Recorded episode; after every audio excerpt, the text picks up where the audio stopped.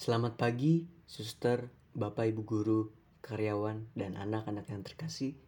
Sebelum kita beraktivitas pada hari ini, marilah kita mendengarkan sabda Tuhan. Marilah kita berdoa. Dalam nama Bapa dan Putra dan Roh Kudus. Amin. Allah Bapa yang Maha Kasih, kami mengucap syukur kepadamu karena boleh bangun di pagi hari ini. Kami mohon, curahkanlah roh kudusmu ke dalam hati kami, agar kami dapat menjalankan aktivitas pada hari ini dengan baik dan benar sesuai dengan kehendakmu. Dengan perantaran Yesus Kristus Tuhan kami. Amin. Inilah Injil suci menurut Markus. Dimuliakanlah Tuhan. Kemudian sesudah lewat beberapa hari, Yesus datang lagi ke Kapernaum. Tersiarlah kabar bahwa ia ada di rumah. Maka datanglah orang-orang berkerumun sehingga tidak ada lagi tempat, bahkan di muka pintu pun tidak. Sementara Yesus memberitakan firman kepada mereka. Ada orang-orang datang membawa kepadanya seorang lumpuh, digotong oleh empat orang tetapi mereka tidak dapat membawanya kepada Yesus karena banyak orang. Lalu mereka membuka atap. Sesudah terbuka, mereka menurunkan tilam, tempat orang lumpuh itu terbaring. Ketika Yesus melihat iman mereka, berkatalah Yesus kepada orang lumpuh itu, "Hai anakku, dosamu sudah diampuni." Tetapi di situ duduk beberapa ahli Taurat. Mereka berpikir dalam hatinya, "Mengapa orang ini berkata begitu? Ia menghujat Allah.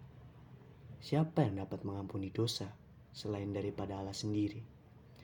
Tetapi Yesus segera mengetahui dalam hatinya bahwa mereka berpikir demikian.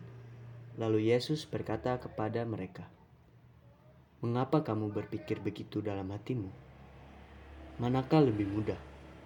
mengatakan kepada orang lumpuh ini, "Dosamu sudah diampuni," atau mengatakan, "Bangunlah, angkatlah tilammu dan berjalan."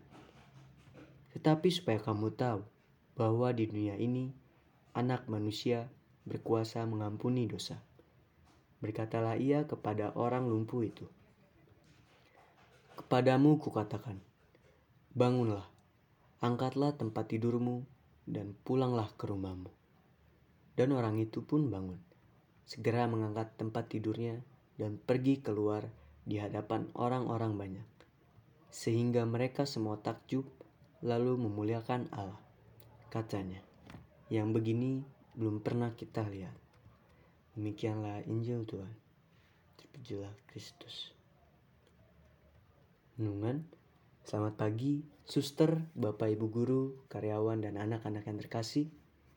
Dalam bacaan Injil hari ini, kita mendengarkan kisah orang lumpuh yang disembuhkan setelah ia dibantu oleh empat temannya untuk menemui Yesus lewat atap. Bacaan Injil hari ini mengisahkan kisah yang kreatif dan solidaritas kepada sesama. Kita bisa membayangkan mereka membawa temannya yang lumpuh untuk naik ke atas rumah agar agar disembuhkan oleh Yesus.